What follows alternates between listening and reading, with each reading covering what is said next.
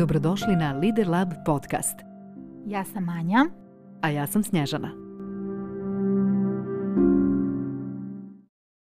Minimalizam jednako je jasnoća u postavljanju granica. Tačka. Čini li se i vama da nekada kažete da kada u stvari mislite ne? Da li u svom životu imate poznanike, prijatelje, kolege, stvari i sadržaje koji vas suštinski iscrpljuju umjesto da vas pune energijom?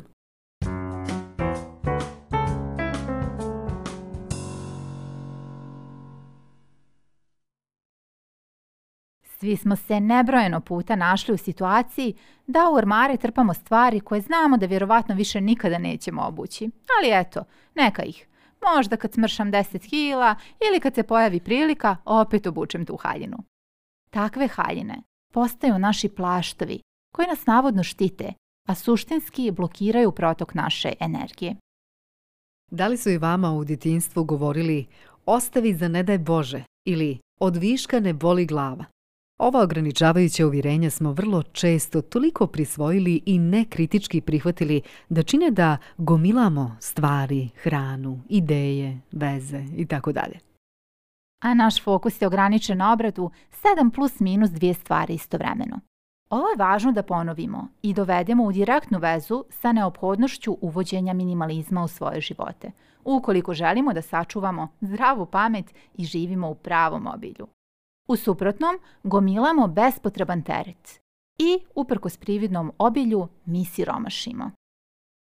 To znači da ako možemo da obradimo od 5 do 9 informacija istovremeno, bolje je za nas da unaprijed pravimo izbore koje će to stvari biti.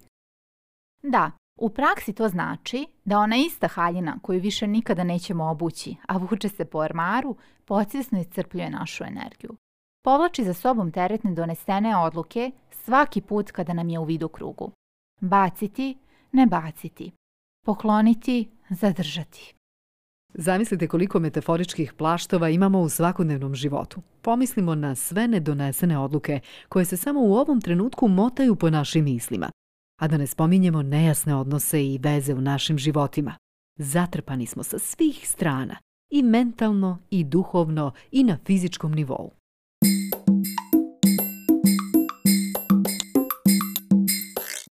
Kao što smo rekli, minimalizam podrazumijeva rasterećivanje, jasno postavljanje granica. Pri tom je važno da smo sa svakim našim da nekoj drugoj stvari, ideji ili osobi svesno rekli ne. Šta vi propuštate zbog nejasno postavljenih granica u ovom trenutku? Veoma važno pitanje. Šta propuštate? Čega želite više u životu? Čega bi trebalo da bude manje da bi se za to što zaista želite otvorio prostor. Oni od nas, okrenuti i duhovnosti, bi rekli da univerzumu šaljemo poruku da već dovoljno imamo. I previše, ukoliko se stalno osjećamo zatrpanima i preopterećenima. A mi bismo to doveli u vezu sa fokusiranošću. Ako moj mozak konstantno dobija poruku da mu je već previše svega i ljudi i starih stvari koje ničemu ne služe i dugova i nedostatka vremena, zašto bi se pobogu uopšte upuštao u trošenje energije na nove stvari i nove iskustva? Baš tako, to mozgu izgleda kao opasno po život. U svakom slučaju kao bespotrebno rasipanje energije. A kada, da li činom donošenja odluka, da li poklanjanjem, bacanjem stvari, da li razrješavanjem odnosa i slično, pokažemo da se u našim životima kreira novi prostor za nove stvari, onda opravdano možemo i očekivati nova iskustva, nove ideje, ljude, sve u svemu nove izvore blagostanja. Ovdje je dakle važno da napomenemo da minimalizam nikako ne treba dovoditi u vezu sa isposništvom i siromaštvom. To su veoma različite kategorije i vaša precizna definicija minimalizma će zavisiti od vaših primarnih vrijednosti. Opet se ponavlja važnost precizno definisanih vrijednosti za bilo koju vrstu napretka. Apsolutno. Minimalizam iz naše perspektive, perspektive poslovnih ljudi, lidera, okrenutih ka cjeloživotnom učenju, ima sljedeću okvirnu definiciju.